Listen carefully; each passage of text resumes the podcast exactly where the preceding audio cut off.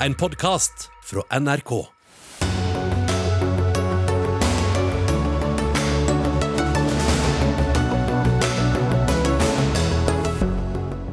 Vi har ni år, sier EU, til å kutte utslippene drastisk, og foreslår en plan som vil påvirke oss i Norge. Bare tenk på hvor mye vi kjører bil, industrien, gassen og vannkraften. Spørsmålet er hvordan kan vi påvirke EU, og hvordan skal politikerne få med seg folk? Det er flertall på Stortinget for å bytte ut kontantstøtte med ventestøtte for dem som ikke har barnehageplass. En byråkratisk måte å ta vekk valgfriheten på, sier Senterpartiet. Flere minstepensjonister mistet bostøtten da regjeringen økte pensjonen. Regjeringen gir med den ene hånden og tar med den andre, raser Fremskrittspartiet og krever opprydning. Og den får de kanskje her, i Dagsnytt 18, med Ugo Fermariello i studio i dag. Samtidig som eh, noen eh, på ferie nyter restauranter, sol, strandliv, ja til og med i utlandet, så gjør delta-varianten sitt inntog i Norge. Hvert tredje tilfelle av koronasmitte skyldes nå denne varianten av viruset. De fleste kan knyttes til større utbrudd etter importsmitte. I Lillestrøm er det nå 20 som har testet positivt med delta-varianten etter et bryllup der 100 gjester deltok, ifølge Romerikes Blad. Espen Rostrup Nakstad, assisterende helsedirektør, hvordan er smittesituasjonen som du ser det? Nei, For Norges del så er den egentlig fredelig fortsatt på den måten at vi har ikke noe økning i smittetallene uke for uke. Det ligger på sånn rundt 1100-1200 per uke fortsatt, men andelen deltavirus øker nå, eh, tydelig som du sier. og Antagelig nærmer vi oss eh, veldig snart en situasjon hvor halvparten av alle tilfellene skyldes dette viruset også i Norge. Siden dette delta-varianten er mer smittsom, er den ikke det? Jo da, den er mer smittsom, eh, det vet man. Eh, men så er det jo også sånn at eh, hvis den håndteres på samme måte som andre utbrudd, så er det fullt mulig å slå ned også denne varianten. Men siden den er smittsom, kan det tenkes at vi burde ha øynene opp for, for en mulig tredje smittebølge? Ja, det er klart at Vi ser nå at både Spania og Storbritannia, ikke minst, også Nederland, er på full fart inn i en fjerde smittebølge, i hvert fall nå sånn som det ser ut, egentlig den femte bølgen for Spanias del, med dette deltaviruset. Og så er Det sånn at uh, det ser ut som det går an å ha kontroll på dette viruset også inntil en viss grad, men når det først begynner å spre seg, så ser det ut som det smitter veldig raskt, og man får veldig kraftig smittestigning i de landene som har opplevd det.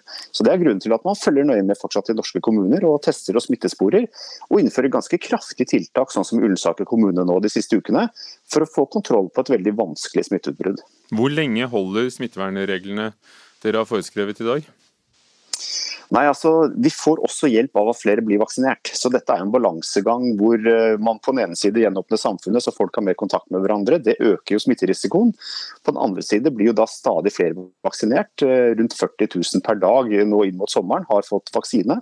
Eh, og Balansekunsten går foreløpig bra i Norge, men vi får en påminnelse fra utlandet nå om at det kan veldig fort snu. og Det kan også da kunne medføre flere sykehusinnleggelser og dødsfall hvis uvaksinerte personer da treffes av denne smittebølgen. For Samtidig er det sånn at også fullvaksinerte personer, både det ut, utbruddet som var i Lindesnes kommune og ifølge Romerikes Blad også nå i Lillestrøm, er blitt uh, syke. Ja, vi har allerede fått høre fra England at uh, også en god del fullvaksinerte kan bli smittet og teste positivt. Heldigvis så blir ikke de like alvorlig syke, så det er ganske sjelden at fullvaksinerte personer havner på sykehus. Men de kan bli smittet, og de kan smitte videre. Og Det er klart det er en tilleggsutfordring i denne pandemien at uh, det nå ser ut til å kunne skje. Flere tilfeller kan knyttes til importsmitte. Uh, ikke nødvendigvis det, det, vi hørte om nå sist. men Betyr det at det med åpne grenser, det var kanskje litt tidlig? Dette viser jo at vi har et system i Norge som er veldig fornuftig. At man tester så hyppig og har såpass strenge regler eh, for de som kommer fra land med mye smitte, gjør jo nettopp at man klarer å påvise disse tilfellene da i Lillestrøm f.eks. Og få satt i gang en håndtering av det utbruddet. Så det at vi i Norge er kanskje et av de siste landene hvor dette viruset begynner å dominere, og fortsatt et av de landene som har et lavt smittepress, det viser at den innsatsen har vært eh, god og viktig. Men eh, så er det usikkerhet eh, selvsagt fortsatt til hvordan dette blir når vi kommer litt inn i høsten og begynner å få mer kontakt med hverandre også innendørs i hele Europa. Kan det jo gå fort, og kontakt har vi jo allerede. Nå fylles flyene opp også mot utlandet og utlendinger som kommer til, til Norge. Hva skjer hvis et land er grønt idet vi reiser, og så blir det oransje, eller ja, kanskje til og med rødt mens vi er der? Hva, hvilke forholdsregler er det da? Det som skjer da er at Når du kommer tilbake til Norge, så må du i karantene i tre døgn. og Så må du teste deg etter 72 timer. og Får du da en negativ test, så er du ferdig med den karantenen. Det er det som skjer hvis landet blir oransje eller rødt. Man skiller ikke på de to fargene foreløpig for Norges del. Og turister som er i Norge, hva må de tenke på? Hva kan vi fortelle utlendinger som sier at de kunne tenke seg en tur? Nei, Det er veldig viktig at man informerer om smittevernregler og råd i Norge. og Det er det lagt en stor jobb i for at kommuner og de som driver hoteller og annen reisevirksomhet skal kunne informere utlendinger på eh, et språk de forstår om hva som gjelder i Norge. Både når man går ut og spiser og når man er på ansamlinger som har med turistvirksomhet å gjøre. Eh, men eh, det er klart det er fortsatt viktig at, eh, at, at man er obs på disse tingene. og Særlig utfordrende nå i ferien er det jo hvis du får smitteutbrudd blant turister. Så har det vist seg ganske krevende å drive testing og smittesporing da, fordi man da fort flytter på seg og kanskje er et annet sted enn der man var da man ble smittet. Takk skal du ha, Espen Rostrup Nakstad. Med de siste tallene i dag kom altså rapporten som viste at delta-varianten nå står for hver tredje koronatilfelle.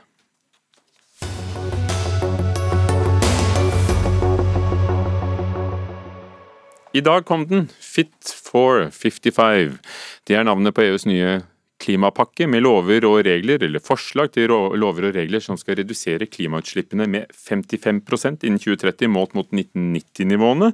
Også er målet da at dette skal bli verdens første klimanøytrale kontinent innen 2050. Det står det svart på hvitt. Og det kan eh, bety store endringer for hvert land og for oss. Elin Lerum Boasson, professor ved Universitetet i Oslo, forsker hos eh, Cicero. Du satt der eh, full av forventning i dag tidlig i Nyhetsmorgen. Nå sitter du på samme sted eh, og har sett det som kom. Hva slår deg? Altså, Dette er en veldig omfattende pakke. Eh, det har jo vært mye diskusjoner om dette i forkant i EU og i Brussel, så masse har jo vært lekket ut. Men eh, det har jo kommet eh, forslag om å gjøre store endringer på kvotesystemet, som setter en pris på CO2 i hele Europa. Det har kommet et forslag om å øke fornybarandelen til 40% som er jo en dobling fra det vi har i dag. Man skal virkelig legge mer press på energieffektivisering. EU har ikke ligget så langt foran på å presse gjennom mer bruk av eh, elektriske biler og sånn, men nå puster de Norge i nakken på å få til ting på det området. Og man har også nye regler på alle de sektorene som ikke er med i EU sitt eh, kvotesystem. I tillegg så snakker snakker jo Europakommisjonen veldig mye mer enn de pleier å gjøre om hvordan å få folk med seg. Og de har opprettet et nytt fond. Eh, For de skjønner det at her blir det motstand? De skjønner det at her blir det motstand, og EU har jo generelt sett litt problemer med å få folk med seg. Så det er jo en utfordring som de vil bruke dette fondet til. Men det er jo også noe som de må spille opp mot alle medlemsland til EU, og også med EØS. Hvordan man kan eh, lage en klimapolitikk som får folkelig oppslutning, og som får næringslivet med seg i, i alle europeiske land. For avgiftene skal da gå inn i en del av det, i hvert fall inn i et fond, som skal gis til hvem? For at de skal holde fred? Eh, ja, altså Det er jo snakk om mange som skal få dette fondet. Eh, og det er jo spesielt eh, eh, fattigere, eller de som blir, kommer til å bli rammet når energiprisene stiger. For det kommer jo til å skje eh, når kvoteprisen eh, går opp.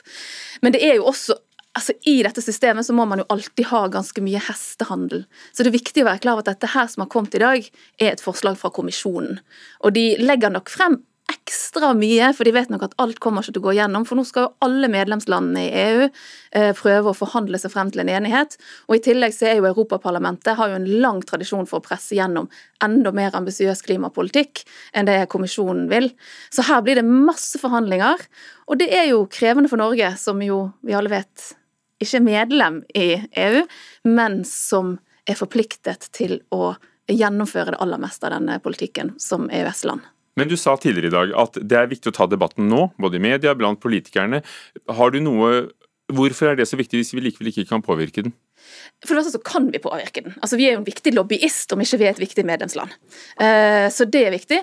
Men for det andre så er det viktig at norske politikere følger med og skjønner prosessen når kompromissene blir utmeislet. For de som er virkelig gode til å følge med på EUs klimapolitikk i Norge, det er næringslivet.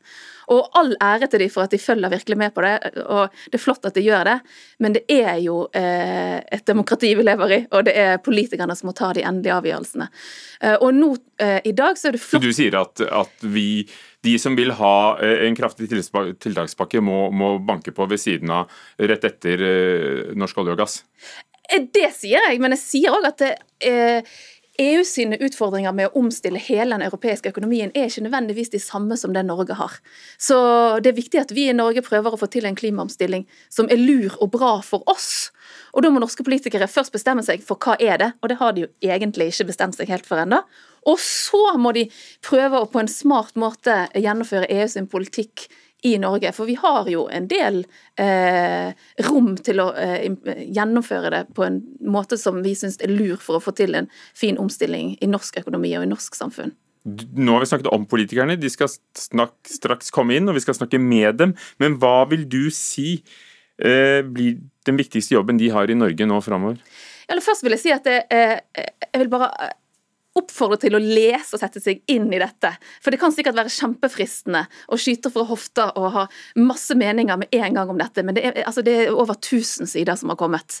Eh, og eh, regjeringen har vært ganske dårlig synes jeg, på å informere stortingspolitikerne om hva som har ligget i prosess, og de diskusjonene som har vært i EU de siste årene. Så det er veldig, jeg har stor forståelse for at norske politikere trenger å eh, ta det litt med ro, sette seg litt ned, tenke hva er den lure strategien som vi skal legge opp til for å få til en best mulig omstilling i Norge, og for å ha en best mulig dialog med EU i de årene som kommer, når de skal utmeisle denne politikken. Ta det med ro, og så sier du at de ikke har god tid. Eh, jo, men det er i hvert fall veldig dumt å eh, komme med veldig klare oppfatninger før du har satt deg ned og tenkt nøye gjennom hva er det egentlig som er den gode klimastrategien for Norge. Vi skal høre hvilke oppfatninger de har dannet seg i løpet av dagen. Takk skal du ha, Elin Lerum Boasson, professor ved Universitetet i Oslo og ved Cicero. Sveinung Rotevatn, klima- og miljøminister fra Venstre. Vi har sett at du ønsker denne Fit for 55, som jeg kaller den. Eh, tiltakspakken, planen fra EU, velkommen. Norge må spille på lag, sier du til NTB. Eh, men hvordan skal vi gjøre det i praksis, synes du? Det skal vi gjøre gjennom å gjøre vår del. Vi skal kutte utslippene våre kraftig de neste ti årene og gjennomføre en grønn omstilling. Og så skal vi også delta aktivt i regelverksutfordringer. Eh, under denne regjeringa har Norge blitt tettere integrert i EUs klimasamarbeid. Det er fordi det er bra for Europa og det er bra for Norge. Eh, og Nå skal vi jobbe tett sammen med våre venner og allierte i EU for å sette oss godt inn i alle forslagene, komme med norske posisjoner tidlig og påvirke der, slik at du får best mulig klimaintegritet, og slik at Europa og Norge kan oppfylle Parisavtalen. Men det som er lagt fram fra kommisjonen i dag, det synes jeg er en veldig god start. og Her er det mye god politikk. For det de sier er jo at dette for første gang ikke bare er en plan, ikke bare en ambisjon, men det vil munne ut i et sett med lover, regler, forordninger eh, som eh, vil være forpliktelser. Sigbjørn Gjelsvik eh, fra Senterpartiet, ønsker Senterpartiet klimapakken velkommen med alle disse forpliktelsene som det vil ende opp i? På en del områder så er jo det fine målsetninger som blir uttrykt, men det som er viktig for Norge er jo å ha en politikk som er tilpassa norsk eh, virkelighet og ivareta arbeidsplasser og verdiskaping i Norge. Og det, det som en ser er jo at En av de viktigste virkemidlene vi har i Norge i dag, for å legge til rette for miljøvennlig industriproduksjon i Norge, er jo en CO2-kompensasjonsordning som EU-kommisjonen nå legger opp til at den skal fase ut. Det vil være dramatisk for norsk eh, industri. Det kunne føre til industridød i Norge. La meg rekke opp hånden. Vi, de foreslår i stedet en klimatoll, altså en karbontoll, på, på varer lagd i land med lavere ambisjoner og lavere regelverk for klimautslipp. Så da vil jo vi stille likt som resten av Europa, hvis noe er laget i et land eh, med dårlig miljøpolitikk får en toll på seg? Nei, altså for første, og det her er jo Industrien og fagbevegelsen veldig tydelig på. Så vil det være utfordring både for konkurransen i Europa. Men veldig mye norsk industri eksporterer jo ikke bare til Europa, en eksporterer jo utover det. Forrige uke var jeg eksempelvis og besøkte Elkem i Primanger, som eksporterer til Kina. og Det er klart at det kan de gjøre fordi at en har verdensledende teknologi og kompetanse i Norge, men òg fordi at en har rammevilkår gjennom ei eh, CO2-kompensasjonsordning som for norsk industri utgjør milliardbeløp årlig. og Det er helt avgjørende å ta vare på de rammevilkårene. Da må en lytte til lederne i industrien som nå advarer tydelig, lytte til fagbevegelsen og ta vare på de rammevilkårene som en har, sånn at en kan legge til rette for ny industriproduksjon i Norge i framtida, istedenfor at en kan risikere industridød og tap av arbeidsplasser. Og bare for å få det på det rene CO2-kompensasjon, da får du altså penger fordi de lager det med ganske miljøvennlig kraft og ikke kull? Ja, det er helt riktig. og Det som har skjedd de senere årene, er jo at kraftprisen i Norge har gått opp. sånn at selv om en bruker Vi kan ikke ta alle detaljene, fordi her sitter vi mange. Lene Westgård-Halle fra Høyre på Stortinget. Hvor, hvor, aktive skal vi være? Skal vi gjøre alt EU vil be oss om? Skal vi, skal vi lobbe for at, at, alt de foreslår blir noe av? Vi skal definitivt være aktive. Altså EU har tatt på seg den grønne ledertrøya, og det er jo veldig bra. Så de har jo blitt litt sånn det grønne lokomotivet i verden, eh, og det er fint. Eh, Men det er ikke fint for Elkem, kanskje? Eh, jeg kommer tilbake til det, men det, det, positive eh, er at det skaper veldig store muligheter for Norge. For Norge er jo en sånn klimanasjon. Vi er gode på klimateknologi.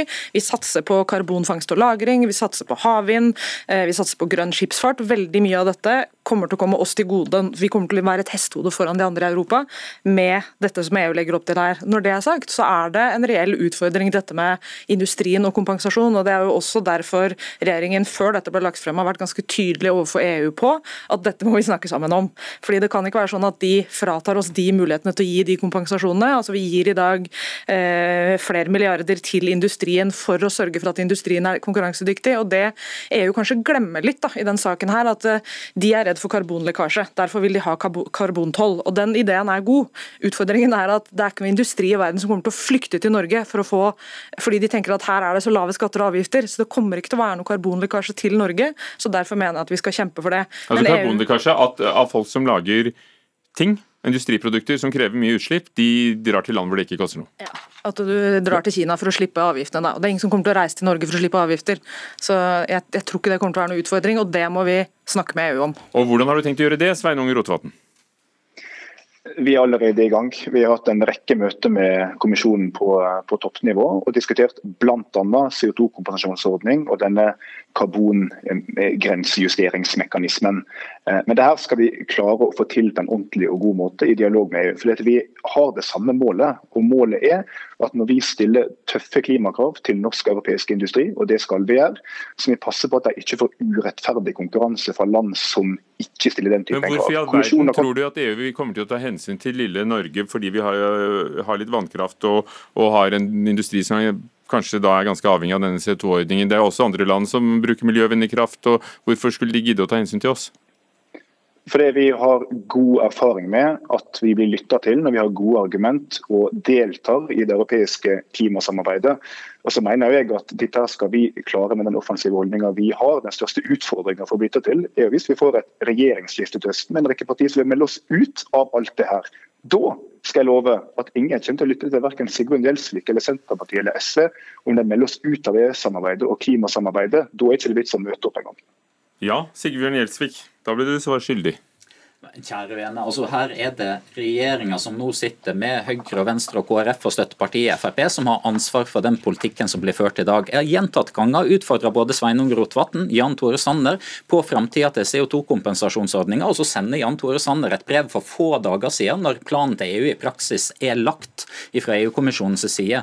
Så Dette er helt avgjørende rammevilkår for norsk industripolitikk, arbeidsplasser rundt forbi hele Norge.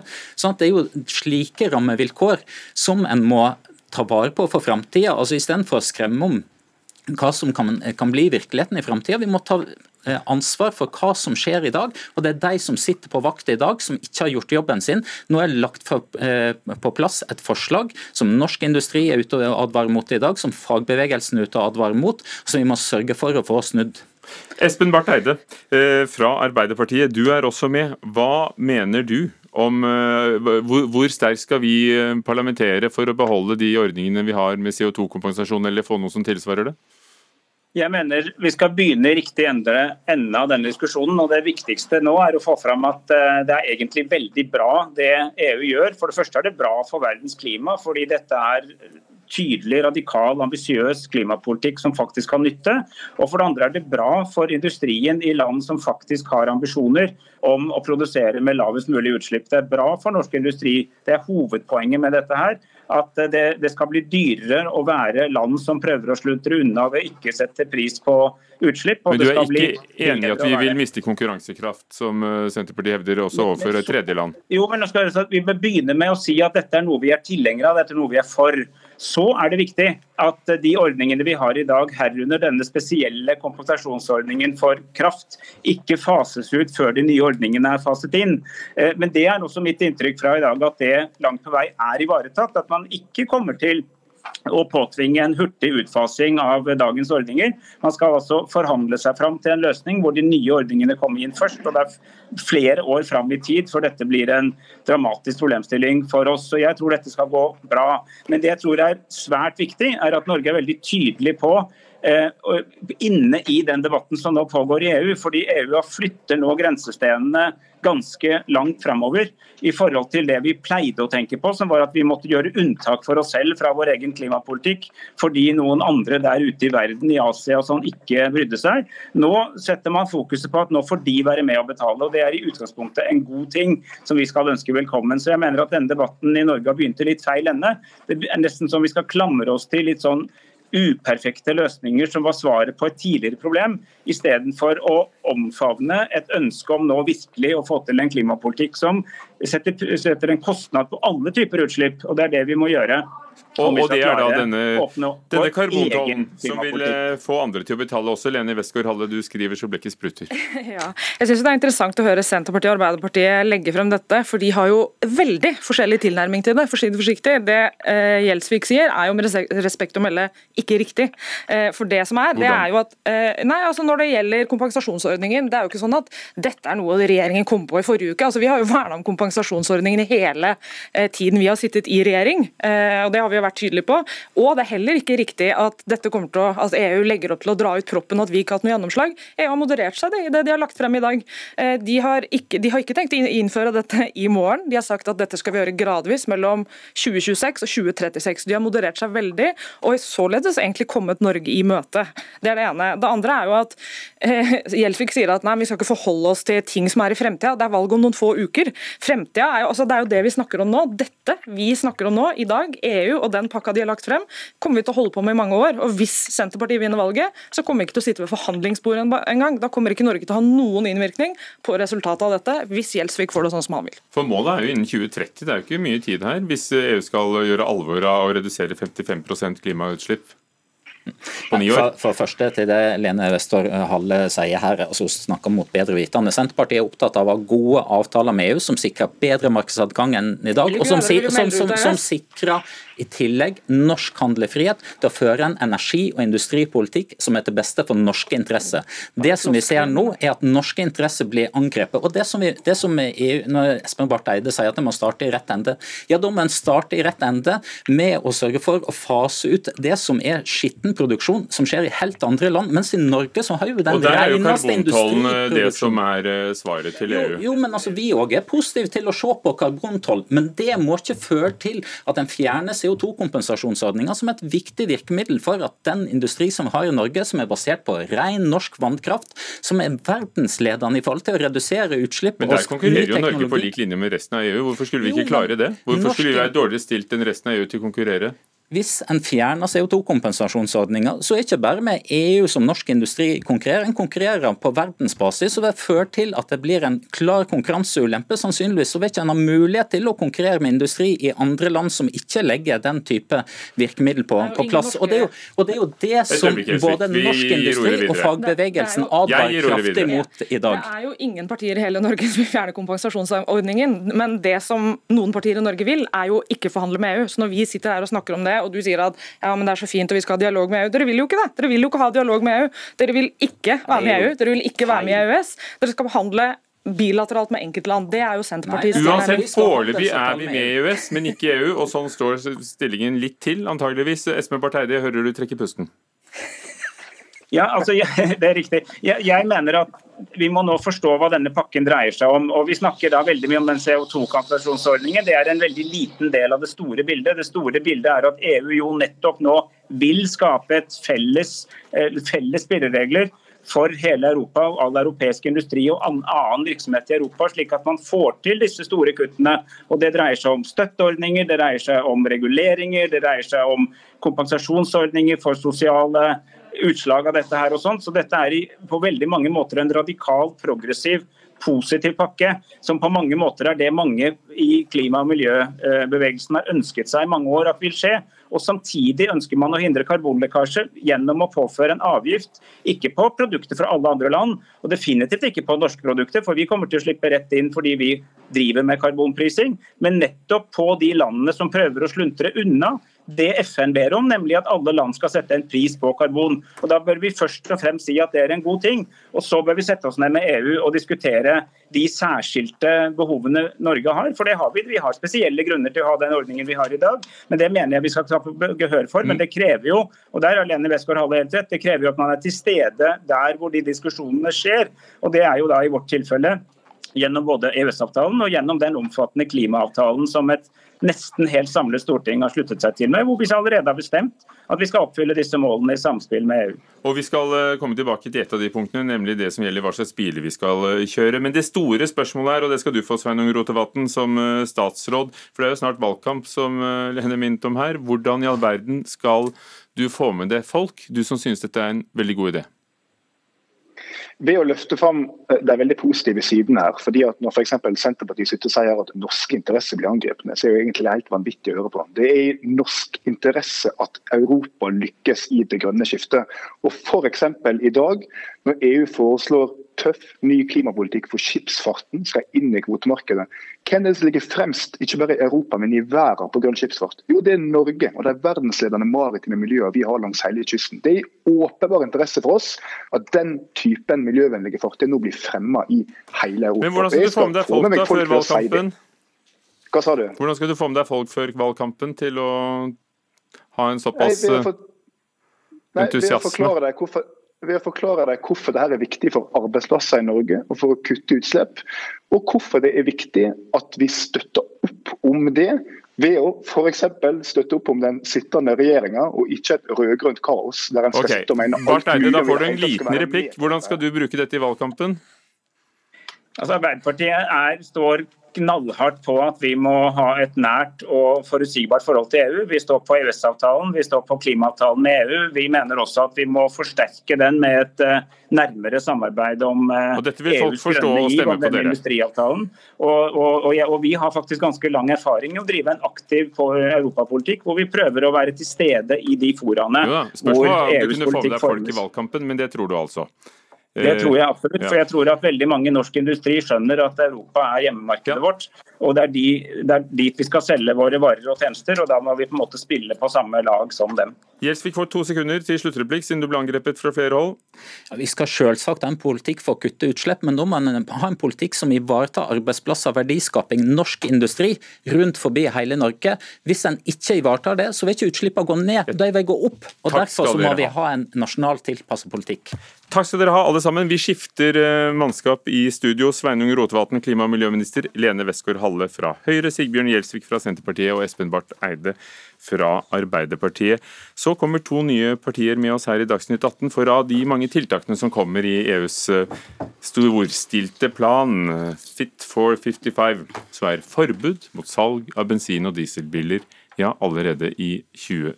35. Og Da snakker vi forbud. Ikke bare utfasing eller et mål, men et forbud, for de ligger vekt på at dette er snakk om forpliktelser. Terje Søviknes, andre nestleder i Fremskrittspartiet. Ja, Du har sittet og hørt på kollegene dine. Eh, vi skal snart komme til det med bilene, men i det store og det hele, hva syns du? Nei, Det er ingen tvil om at EUs klimaplan kommer til å få store konsekvenser både for folk flest og ikke minst for norske industriarbeidsplasser. Eh, Fremskrittspartiet har advart lenge mot at Europa og Norge går i en retning der man skyver bedrifter og arbeidsplasser og dermed utslipp ut av Norge og til andre regioner i verden, og det kan man få med denne planen her. Og du ser ikke muligheter, sånn som uh, Det er selvfølgelig noen muligheter, men det er òg store utfordringer. og Jeg er sikker på at uh, hvis du spør kineserne i dag, så så leser de nok med interesse denne planen, og er sikker på at de ler hele veien til banken. Av det du sier der, så tolker jeg at dere ikke stiller dere bak forbudet mot salg av bensin- og dieselbiler i 2035? Nei, vi mener at forbudet er helt unødvendig. Teknologiutviklinga må gå sin gang, men noe forbud eh, Det er litt rart at man hele tiden i klimapolitikken skal tenke forbud og påbud og den type ting, som skaper utfordringer for folk i hverdagen. Rawand Ismail, stortingskandidat for Miljøpartiet De Grønne i Oslo. Ja, Er klimapakken fra EU bra nok for dere? Vi skulle gjerne sett at den var enda mer ambisiøs enn det den er. og Derfor støtter vi også våre europeiske søsterpartier i resten av Europa, som kjemper for å gjøre planen mer ambisiøs idet den skal vedtas. Men vi er veldig glad for at Europa nå får en helhetlig innsats for å stanse klimakrisa. Og Det var jo også det Ursula von der Leyen sa, at dette er i solidaritet med resten av EU og i solidaritet med resten av verden. Og det vil kreve mye av oss, både som EU-land og for vår del som et EØS-land. Og det vil kreve mye av innbyggerne og det vil kreve mye av næringslivet, men det er helt nødvendig. Fordi vi må kutte utslippene på alle områder, også når det kommer til biltrafikk, som vi skal diskutere nå. Og forbud for deg, det er en god vei å gå?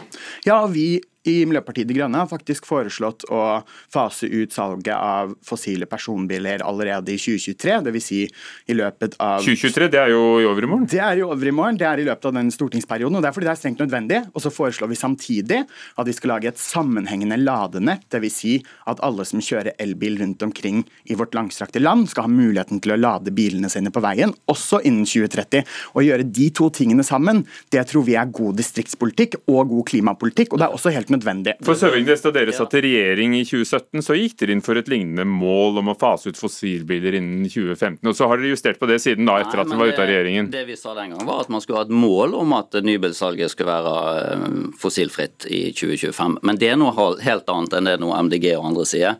Det høres så fint ut med å fase ut, men i praksis er det jo et forbud man ønsker mot nysalg av bensin- og dieselbiler fra 2023. og Det er ganske dramatisk. Det er altså to år til. Man kan jo undres på om, om MDG har tatt inn over seg det som skjer ute i Distrikts-Norge. Hvis man beveger seg litt ut forbi Ring 3, så kommer man til dalføre, fjelloverganger, spredt busetnad som gjør at man faktisk trenger bensin- og dieselbil for å komme seg fram. Enten det er hjemmesykepleie, tekniske tjenester eller det er håndverksbedrifter som skal ut og gjøre oppdrag. Det er rett og slett ikke mulig å ferdes trygt med en elbil per i dag. Og Derfor er det helt urealistisk det MDG foreslår. Jeg har prøvd å ikke reise meg utenfor Ring 3 fordi vi har en pandemi, så dessverre har jeg ikke fått opplevd så mye mer du, i det siste. Har, har du kjørt bil? Du er riktignok en representant for La meg snakke ferdig. La meg snakke ferdig. Men det jeg vet, det er at vi er nødt til å redusere biltrafikken, og vi er nødt til å slutte å kjøre fossilbiler på et tidspunkt. Og et godt sted å starte det er å si at vi ikke skal selge nye fossile personbiler fra 2023. Og nå tvinger jo EU oss til å gjøre det hvis vi går med på den pakka her, da. Og jeg er nysgjerrig på om Fremskrittspartiet vil det. Vil dere være med resten av Europa på å kutte klimagassutslipp, eller vil dere at vi skal tvinne tommeltotter, mens resten av våre naboland drar fra? 2035 Søviknes, er jo så lenge til at de bilene og de batteriene som finnes da, kan det være noe helt annet. Det kan være så mye at, at, at folk skriker etter å bruke elbil også på landet. Jo, men du legger det fint inn i spørsmålet litt. Kan være. Vi vet ikke. Og det blir så meningsløst å kjøre et forbudslinje på, på dette imot bensin- og dieselbiler. Eh, Teknologiutviklinga går sin gang. Eh, den er vi en del av, og vi har vært med å stimulere til elbilsubsidier og fordeler for, for elbileiere. Men at man skal liksom tenke at hele Norge vi er en utkant av Europa, skal kunne tilpasse oss en politikk der man skal ha et totalforbud mot bensin- og dieselbiler. Da tenker jeg at Ismail må òg ta seg en tur ut forbi Ring 3 og kjøre vinterstid, enten det er på vinter, fjellovergangene eller i Nord-Norge. Selv om du er kandidat for Oslo, tar dere nok hensyn til nettopp øh, strøk hvor du i dag teknologisk er avhengig av å bruke diesel eller bensin? Ja, vi gjør det, og det er også derfor vi har lyst til å bygge ut et sammenhengende ladenett langs hele landet i løpet av 2023, samtidig som vi skal slutte å selge nye Men var det ikke nettopp gulrøttene og skattefordelene og alt som gjorde at så mange kjøpte elbil i Norge? Det var jo ikke noe forbud eller påbud, Nei, nei. det var at det ble så utrolig lønnsomt. Det er sant, men på et eller annet tidspunkt så står klimakrisa ved dørterskelen vår og sier nå må dere handle. Og det tidspunktet har kommet for lengst, sant? Og det tidspunktet, det må vi begynne å handle etter. Det er derfor vi må gjøre Og da vår blir det innsats for å typisk slutte. MDG, da blir det forbud, det blir påbud, det blir tiltak som plager folk i hverdagen. Noe Fremskrittspartiet er sterkt imot. Vi ønsker at teknologi skal utvikles, og vi ønsker å Og satse på det. Og så får vi la det 18 avgjøre. taleforbud? i denne saken videre. Takk skal dere ha, begge to. Terje Søviknes fra Fremskrittspartiet, Rawan Ismail, stortingskandidat for Miljøpartiet De Grønne. Takk selv. Meningen var at tusenvis av minstepensjonister skulle få mer å rutte med, men i stedet mistet eh, mange av dem bostøtten fordi alle pengene kom i én slump. Fremskrittspartiet krever opprydding og sier regjeringen gir med den ene hånden og tar med den andre. Og Den opprydningen skal vi altså forsøke å få til litt senere i Dagsnytt 18. Kampen om jordmødrene er i gang.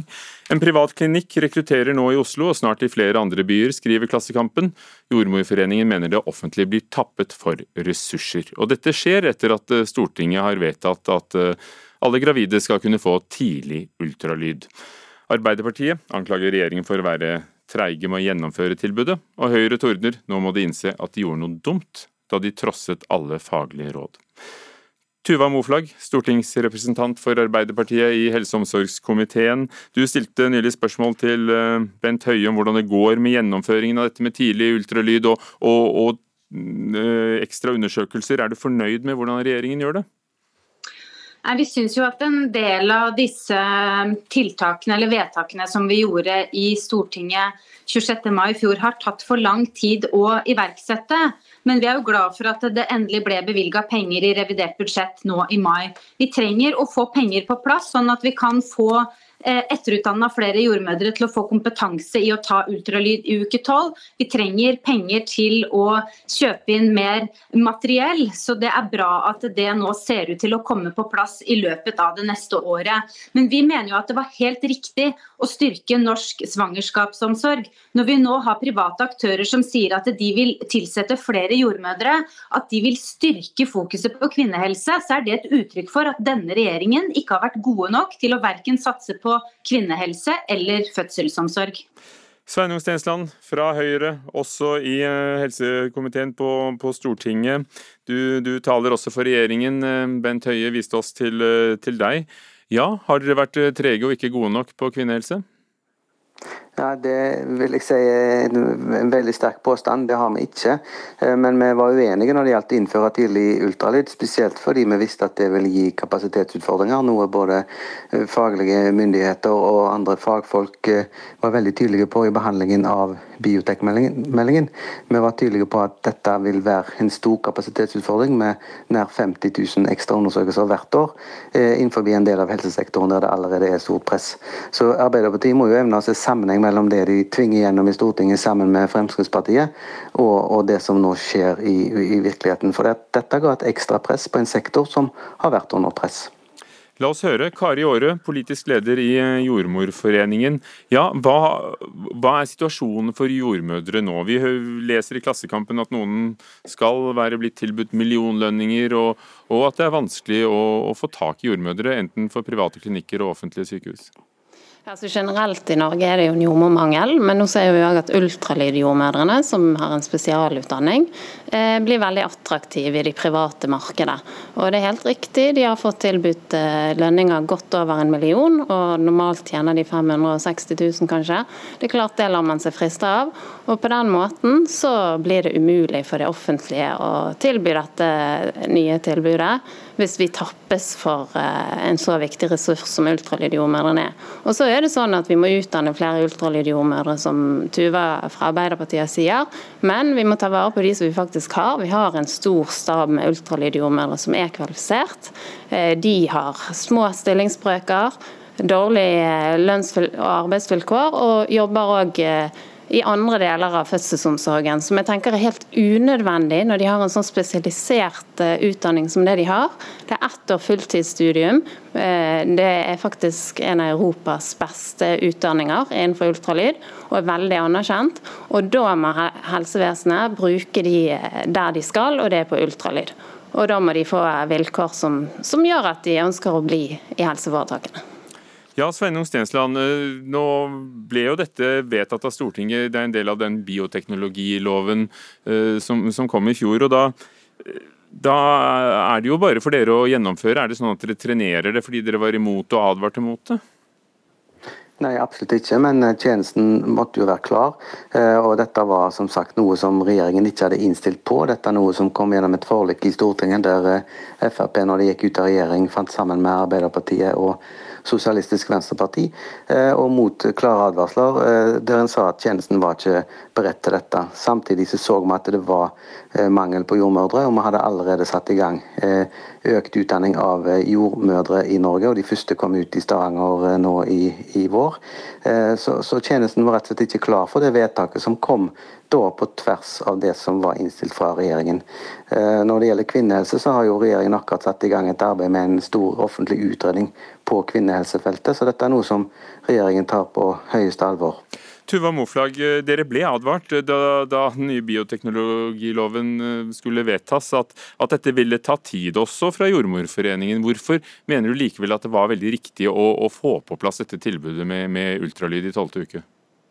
Ja, for det første så reagerer jeg på at Sveinung Stensland sier at dette er noe som Arbeiderpartiet har tvunget gjennom i Stortinget. Dette er en demokratisk beslutning. Stortingets flertall har bestemt at norsk svangerskapsomsorg skal styrkes.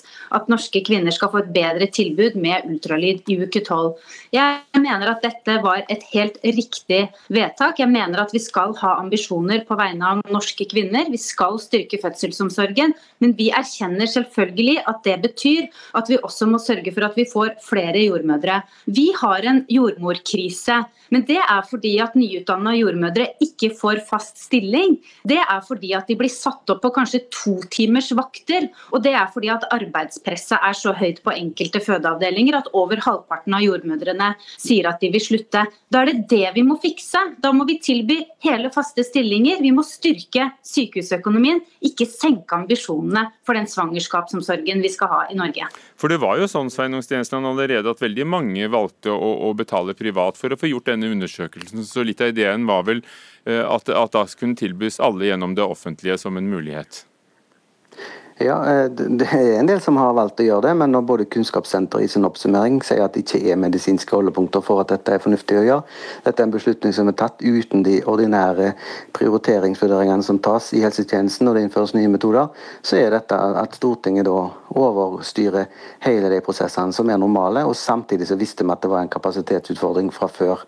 Eh, men jeg reagerer litt på det som Moflag nå sier, for senest for noen uker siden så kunne vi lese at eh, samtlige av de som ble uteksaminert uteksaminert fra den nye jordmorutdanningen i Stavanger, ble tilbudt jobb i Helse Stavanger. Sånn at Det er ikke sånn at de blir nyutdanna jordmødre går ut i to timers vakter. Det er unntakene, og det har jeg selv reagert på. Eh, det er sånn at det faktisk er god bruk for jordmødre, og de får jobb. Det er jo det som er hovedutfordringen, å få tak i flere jordmødre. Men, men, men la oss høre hvordan de, de opplever det på kroppen, da, Kari Aare, du som er, er jordmor og, og, leder for jordmødrene. Hvordan, hvordan er det å jobbe i det offentlige? Er det attraktivt? Er det sånn at mange slutter? Ja, det er mange som slutter. Eh, det er flere jordmødre som velger å gå over i andre yrker. og Da har vi en kapasitet, den må vi benytte. Eh, helseforetakene må bli mye flinkere på å sitte seg ned og spørre hvorfor slutter du her hos oss, hva kan vi gjøre for at du skal bli, for det må vi gjøre. Ellers så vil denne krisen bare øke. Eh, det andre som jeg vil korrigere både Tuva og Sveinung på, er at det er ikke helt riktig at altså det er riktig at alle i Stavanger fikk jobb, men de fikk ikke 100 %-stillinger. Ehm, så, så, der har Tuva riktig. Og så er det det med de totimersvaktene. Det var en helt spesiell situasjon på St. Olavs eh, som, som, handler om helt andre ting og turnus. Men, men, men, men ehm, Kari Aare, det må jo være ganske et, et godt argument for dere, da, når plutselig private klinikker eh, vil tilby mye høyere lønninger enn de offentlige, og ta med dere inn i forhandlinger og i, i debatten om uh, arbeidsbetingelsene? Ja, altså Vi håper jo det at det offentlige da ser eh, nytteverdien av å anerkjenne den kompetansen som ultralydjordmødrene har. Eh, hvis ikke så vil de miste de, og så skjønner vi at ikke de kan tilby lønn på 1 og 1,2 millioner, men de kan gå atskillig høyere enn det de gjør i dag. og Dessverre så er det jo sånn at i offentlig sektor og, og for kvinneyrker så tradisjonelt sett har ikke vi blitt, blitt skåret høyt, selv om det er rift om oss. Men eh, de kan komme i en situasjon at ikke de klarer å tilby tidlig ultralyd på de store sykehusene. Men òg vil det kanskje gå utover eh, den eh, rutineultralyden. For hvis jordmødrene går over til det private på de store sykehusene, eh, så er det jo ingen igjen. og Da må jo det offentlige eventuelt kjøpe fra det private. Så her må de være på banen. Konkurransedyktig lønn, men òg ut, utviklingsmuligheter, faglige utfordringer. Og ikke minst det med å få faglig utvikling. At jordmødre må på lik linje med andre i helsevesenet få muligheten til å bruke tiden i arbeidstiden til faglig utvikling. Vi betaler men, men var alle kursene riktig å vi går på. gjennomføre nå, nå er det da vedtatt da, ultralyd fra 12. uke skal være et tilbud. Var det riktig å innføre det? Og, og, med, eh, og med tilleggsundersøkelser hvis, hvis nødvendig og anbefalt? Ja, altså Nå er jo det bestemt, og vi Men var det riktig? Vi advarte ikke mot at ikke det skulle bli innført, men vi mente at det burde utredes nøyere, sånn at man visste hva man trengte av ressurser og penger og utstyr. Eh, Og så vil det være ulike meninger om, om det er riktig eller ikke riktig, men vi forholder oss til at det er bestemt. Og, og det er òg en del av det som kvinnene sjøl har sagt at de vil ha. Det er helt riktig som Tuva sier, de, dra, de har dratt ut og kjøpt de private. Det har blitt en veldig forskjell på de som har penger til det og de som ikke har penger til det. Og det, det er ikke noen, det er veldig mange. Og i de store byene er det nesten alle kvinner har tatt tidlig ultralyd eh, og betalt for det sjøl. Så, så ja, eh, sett i kvinnens perspektiv og den utviklingen vi har, så var det riktig. De ønsker å, å få den tidlige ultralyden for å se, eh, se at alt er bra, få en Men det var følelse- tidlig. Eh, Det burde vært en eh, altså, Men, men, la oss, men Kari Øre, eh, leder i Jordmorforeningen, la oss bare sette av noen få sekunder for å høre, etter å ha hørt eh, deg fortelle det fra jordmødrenes side, Tuva Moflag fra Arbeiderpartiet, var det for tidlig? Nei, det var absolutt ikke for tidlig, men vi må selvfølgelig sette av ressurser til det. Kjøpe inn den eh, infrastrukturen som trengs med utstyr osv. Og så er jeg helt enig med Kari Aare, jordmødrene skal vi ta godt vare på. Både de med ultralydkompetanse og de jordmødrene som jobber i andre deler av tjenesten. Det er de nok alle enig i, men Sveinung Stensland fra Høyre er kanskje svaret å kjøpe tjenestene fra de private, da, som ansetter jordmødre nå? Nei, Svaret er jo at eh, de offentlige sykehusene må ta bedre vare på de ansatte. Det er jeg helt enig med mine meddebattanter. Men jeg syns denne debatten viser veldig klart det som jeg advarte mot i fjor. Nemlig at vi var ikke klare til å innføre dette. Verken tjenesten eller utstyr eller folk. Vi trengte mer kompetanse, vi trengte flere folk. For vi har altså på ett år nå dobla antallet eh, gravide som skal ha en rutinemessig undersøkelse. Selv om noen av de valgte å kjøpe tjenesten før, så skal nå alle få det tilbudet to ganger, og ikke bare én gang i løpet av svangerskapet. Takk skal du ha. Takk til Tuva Moflag også, du blir med videre. Og takk til Kari Aare i Jordmorforeningen.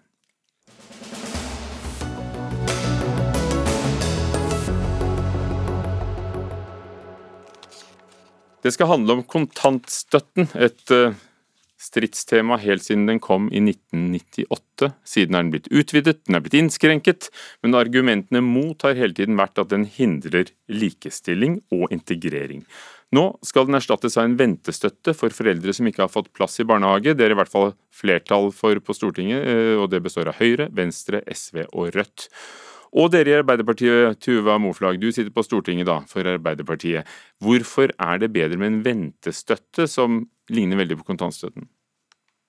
Nei, Først og fremst er det viktig for Arbeiderpartiet å avskaffe kontantstøtten, fordi vi mener at den er til hinder for både eh, integrering og likestilling, som du også var inne på i din innledning. Men så er det jo sånn at det er ikke alle familier som får tilbud om en barnehageplass, dessverre.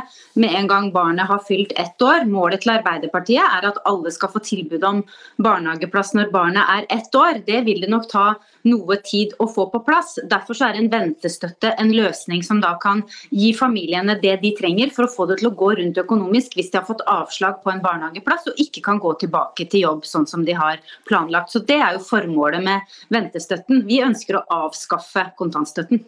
Kjersti Toppe fra Senterpartiet, mulig ny regjeringskollega med Arbeiderpartiet, hvem vet? Dere er ikke med i dette flertallet som vil eh, gjøre om kontantstøtten til ventestøtte. Eh, Hvorfor? Vi ønsker jo å videreføre kontantstøtten som, eh, som eh, en ordning som fører til valgfrihet eh, for barnefamiliene, og vi ønsker å målrette den mot de yngste barna. Derfor er vi heller ikke for en ventestøtte, og det er jo et dårlig alternativ. Så stiller jo jeg spørsmål ved den ventestøtten. Det virker som et, et dårlig gjennomtenkt forslag. Det har jo stått noe i media om at Arbeiderpartiet sjøl vet ikke hvordan dette skal fungere i praksis, hva slags kriterier som skal legges til grunn. F.eks.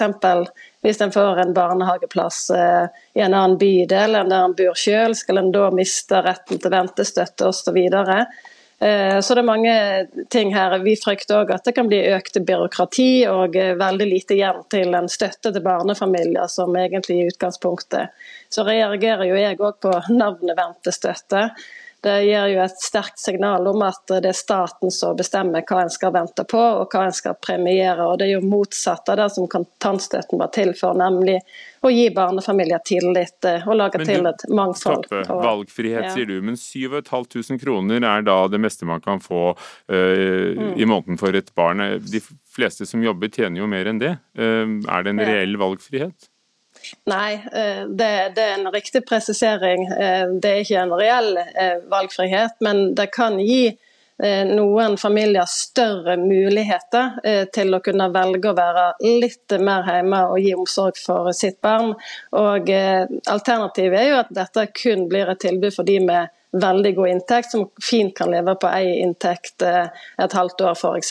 Så det er iallfall en støtte, og det er ikke et reelt økonomisk alternativ, men for de det gjelder, så kan det bety eh, at en får dette til å gå, gå rundt. Men Tuva Moflag, den valgfriheten vil dere ta bort?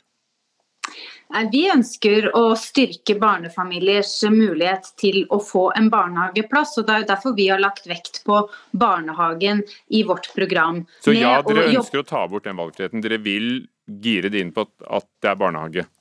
Det er helt riktig. Vi ønsker å fjerne kontantstøtten, for vi mener at den har negativ innvirkning på andre deler av samfunnet, som f.eks. likestilling og integrering. I tillegg så mener vi at å bruke såpass mye penger som vi gjør på kontantstøtten, det er vel 50 milliarder totalt siden den ble innført, og om lag 1,9 milliarder i året, det mener vi er feil å prioritere på å, å, å, belønne folk for at de ikke bruker et velferdsgode som barnehagen er. Det er samme som det koster for å gi gratis SFO for alle førsteklassinger f.eks., som er noe som Arbeiderpartiet prioriterer i vårt program. Kontantstøtten har vært omstridt fra den ble innført, og nå er det heldigvis, ser det ut, et flertall for å bli kvitt den. Eh, og jeg skulle jo ønske at eh, Senterpartiet heller ville være med og sørge for at alle barnefamilier kan få en barnehageplass så raskt som mulig. Vi har rause og fleksible Men, det er litt vanskelig å komme til orde her for, for, programlederen også, for vi sitter alle på hver vår tue. Sånn er det blitt. Men eh, Kjersti Toppe, eh, nå viser en rapport fra Nav at det først og fremst er om våren, altså når folk venter på barnehageplass, at de likevel venter, bruker kontantstøtten. Viser ikke det at de fleste eh, gjør det fordi de må, for de må vente på en barnehageplass, og at det er ikke av fri vilje? og Da kan du like gjerne si ja til Arbeiderpartiets forslag, siden dere kanskje kan ha et håp om å regjere sammen? Eh, den eh, Nav-rapporten eh, tilsier jo ikke at alle de bruker det fordi at de bare venter på barnehageplass. Det er selvsagt familier som faktisk bruker kontantstøtte fordi at de vil, og fordi at de mener at det er rett for deres situasjon og for deres familie. Så jeg syns det er ganske arrogant jeg, at en tolker den rapporten som at familier, kun alle familier ønsker barnehagestart ved ettårsalder. Og jeg syns at en skal vokte seg politisk for å eh, bestemme hva som alle der ute eh, mener og ønsker. Eh, jeg tenker spesielt når det gjelder Eh, barne- og familiepolitikk, så må vi ha en grunnleggende respekt for at eh, både barn er ulike, familier er ulike, eh, og at vi må tilrettelegge de økonomiske ordningene som gjør at flest mulig kan få en, et, en bra støtte. Og så savner jeg òg respekten for omsorgsarbeid i, dette, i, i denne debatten. Og det har vært prisen, mener du? Ja, altså Prisen er jo dyrere å lage barnehageplass for alle disse, så det er en billig løsning egentlig. Det er det. Jeg skulle aldri stilt det siste spørsmål, for vår tid er ute om det med ventestøtte eller kontantstøtte. Takk skal dere ha, Tuva Moflag fra Arbeiderpartiet, Kjersti Toppe fra Senterpartiet.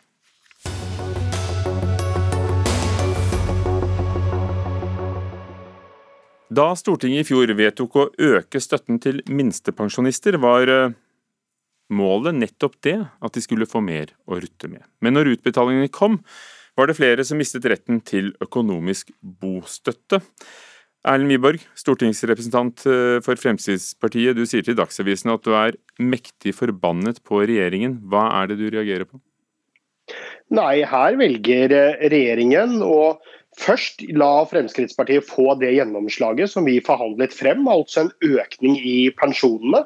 Og spesielt til en gruppe minstepensjonister som lever langt under fattigdomsgrensen.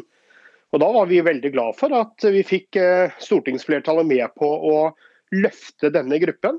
For vi syns det er uverdig at flere lever under fattigdomsgrensen av eh, landets pensjonister.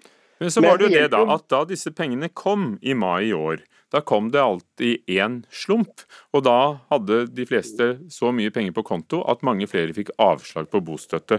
I april var det 641 som fikk avslag, øh, og så var det 7637 i mai. Heidi Karin Nakken, statssekretær i Kommunal- og moderniseringsdepartementet fra Høyre, var det dette som var hensikten? Nei, det er aldri hensikten å ta inn igjen i bostøtte. Eh, og, derfor, og dette her er jo heller ikke et, et, vedtak om å ta penger fra folk. Det er jo ikke en Men det var en konsekvens? Det var det som skjedde på den ja. måten dere gjorde det på? Ja, det er en konsekvens eh, når han får eh, utbetalt mer i en måned, uansett hvor det kommer ifra.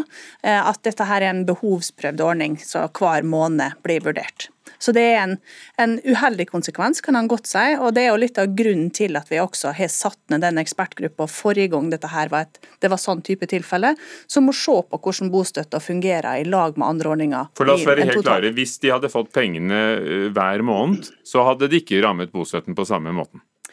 Det hadde nok likevel kunnet ramme bostøtten, fordi For noen? At, for noen, ja. Og, det, og det, hadde nok neppe blitt liksom krone for krone likt. Men eh, hvis, da hadde de hver måned hatt litt høyere inntekt og litt lavere bostøtte. Erlend Wiborg, eh, Fremskrittspartiet er jo for å behovsprøve flere velferdsordninger. Og det er jo det som har skjedd i dette tilfellet. Plutselig så var det jo nok penger på konto til husleien. Ja, Vi er for å behovsprøve flere ordninger, men her snakker du om en gruppe som har et stort behov, som allerede lever for langt under fattigdomsgrensen. Og da er det en, Når Stortinget da, og Fremskrittspartiet fikk gjennomslag for å komme med en ekstrabevilgning, og at regjeringen da velger å utbetale det som en engangsutbetaling istedenfor å dra det over flere måneder, det får regjeringen svare på. Men det hjelper jo den stakkars minstepensjonisten som nå skal betale strømregningen, som skal betale maten, betale husleien, veldig lite. At man får ekstra med penger når regjeringen samtidig tar og kutter i bostøtten til eh, de fattigste pensjonistene vi har. Det Så hva forventer du at regjeringen gjør? Nei, Regjeringen sier jo selv, både her i debatten og statsråden har jo svart eh, meg også, at han mener dette er en uheldig konsekvens. Og Da er det jo en helt naturlig selvfølge at da får regjeringen rydde opp her. Sørge for de nødvendige vedtakene, sånn at personene dette gjelder, får tilbake eh, bostøtten. Og Det forventer jeg nå at regjeringen gjør med en gang. Det hjelper ikke å sette ned et utvalg og, eh, som skal se på noe om et års tid. Det er nå regningene til disse fattige minstepensjonistene skal betales. Dere kunne vel økt inntektsgrensen for mai måned, siden var da pengene kom? Det er jo en gang sånn at eh, bostøtten blir det, det, er ikke noe man går inn og vurderer måned for måned hvor, hvem som skal få bostøtte til hva. Dette her er jo en regelstyrt ordning som går Men kunne dere gjort ja. noe med reglene, siden dette var også en ekstraordinær utbetaling, for å gi en håndsrekning til minstepensjonistene? Nå var dette her eh, Altså, han kunne sikkert betalt ut mer over tid. Eh, hvis det hadde vært, en, eh, hadde vært vurdert om det var det ene eller andre, så måtte en jo da sett hvem hadde fått mindre støtte over tid, hvem også tapt penger på å få det hver måned, og hvem som da vil se til å få tape mer i én måned. Jeg ser at det er uheldig, absolutt. Så hva gjør dere nå? Vi Nei. hører om en kommisjon.